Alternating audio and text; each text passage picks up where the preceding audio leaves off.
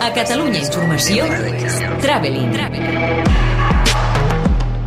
Estrenes de cinema i sèries a Catalunya Informació. Traveling. Amb Marc Garriga. All I have for you is a word. Tenet. En aquesta setmana estranya que serveix de pont entre les vacances del mes d'agost i el retorn a la nova normalitat del setembre, les estrenes han arribat en dimecres per aprofitar al màxim aquests últims dies de festa. I no són unes estrenes qualsevol, sinó que arriben dues de les pel·lícules més esperades dels últims anys. La primera era la que havia de donar el tret de sortida al retorn del cinema d'alta volada a les sales després del confinament. S'ha fet esperar, però Christopher Nolan finalment ha beneït la data del 26 d'agost i ara Tenet ja és aquí. I'm not saying Armageddon here. No. Something worse. Tenet són dues hores i mitja d'escapisme. De vegades, aquesta és l'essència del cinema i segurament és el que el públic d'aquests temps més reclama.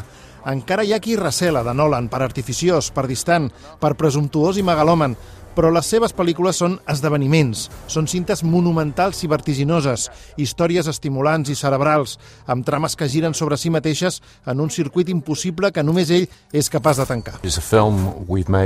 És una pel·lícula que hem rodat perquè es vegi en pantalla gran. Sóc un admirador absolut de sempre del cinema, i en concret del cinema èpic. Per això no hi ha res que m'agradi més que escapar-me a altres mons a través del poder del cinema.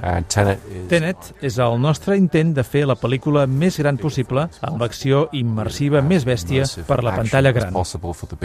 Ja està tot dit. Qui no vagi a veure Tenet s'haurà perdut l'espectacle més gran que es podrà veure aquest any en una sala de cinema. Pot agradar-te el cinema d'acció més o menys. Pots perdre't en el seu argument, però malgrat tot continua sent aquest un film de visió obligada. Si a més combregues amb Nolan, assistiràs a un espectacle fascinant i irresistible que inclou en el repartiment John David Washington, el fill de Denzel, que ja va sorprendre a Infiltrados en el clan, el cada cop més reconegut Robert Pattinson, la insurgent Elizabeth de Vicky i els secundaris de luxe Michael Caine i Kenneth Branagh. What's the last thing you remember, Danny?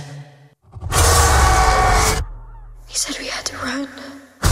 L'altra estrena destacada no marcarà la història del cinema d'aquest maleït 2020 com ho farà Tenet, però sí que és una pel·lícula esperadíssima, posposada cinc cops perquè la Fox no estava convençuda del resultat i que ara Disney, després de comprar la Fox, estrena mig d'amagat dos anys i mig després de la primera data d'estrena anunciada com per treure-se-la de sobre.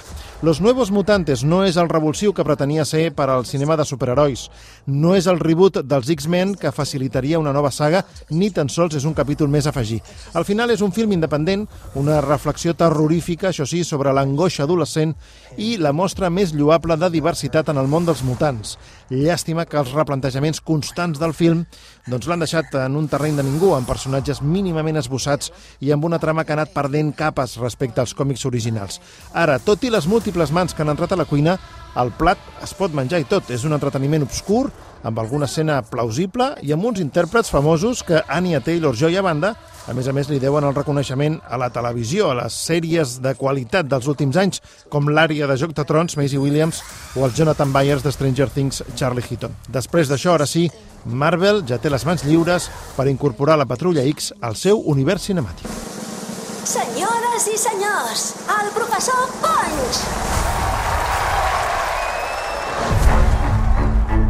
Les altres dues novetats de la cartellera arriben amb mirada feminista. Una és Judy and Punch, una comèdia negra australiana que retorça el conte titellaire per promoure el sentit de revenja. Un film sorprenent, extravagant i divertit que va rebre lluances a Sundance i a Sitges i que protagonitza Mia Wasikowska.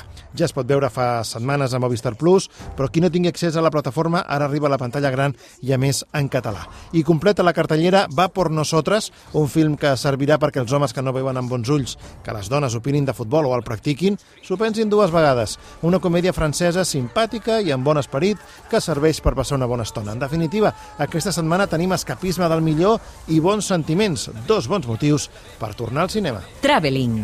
Estrenes de cinema i sèries a Catalunya Informació. Amb Marc Garriga. Sí, ja li està bé.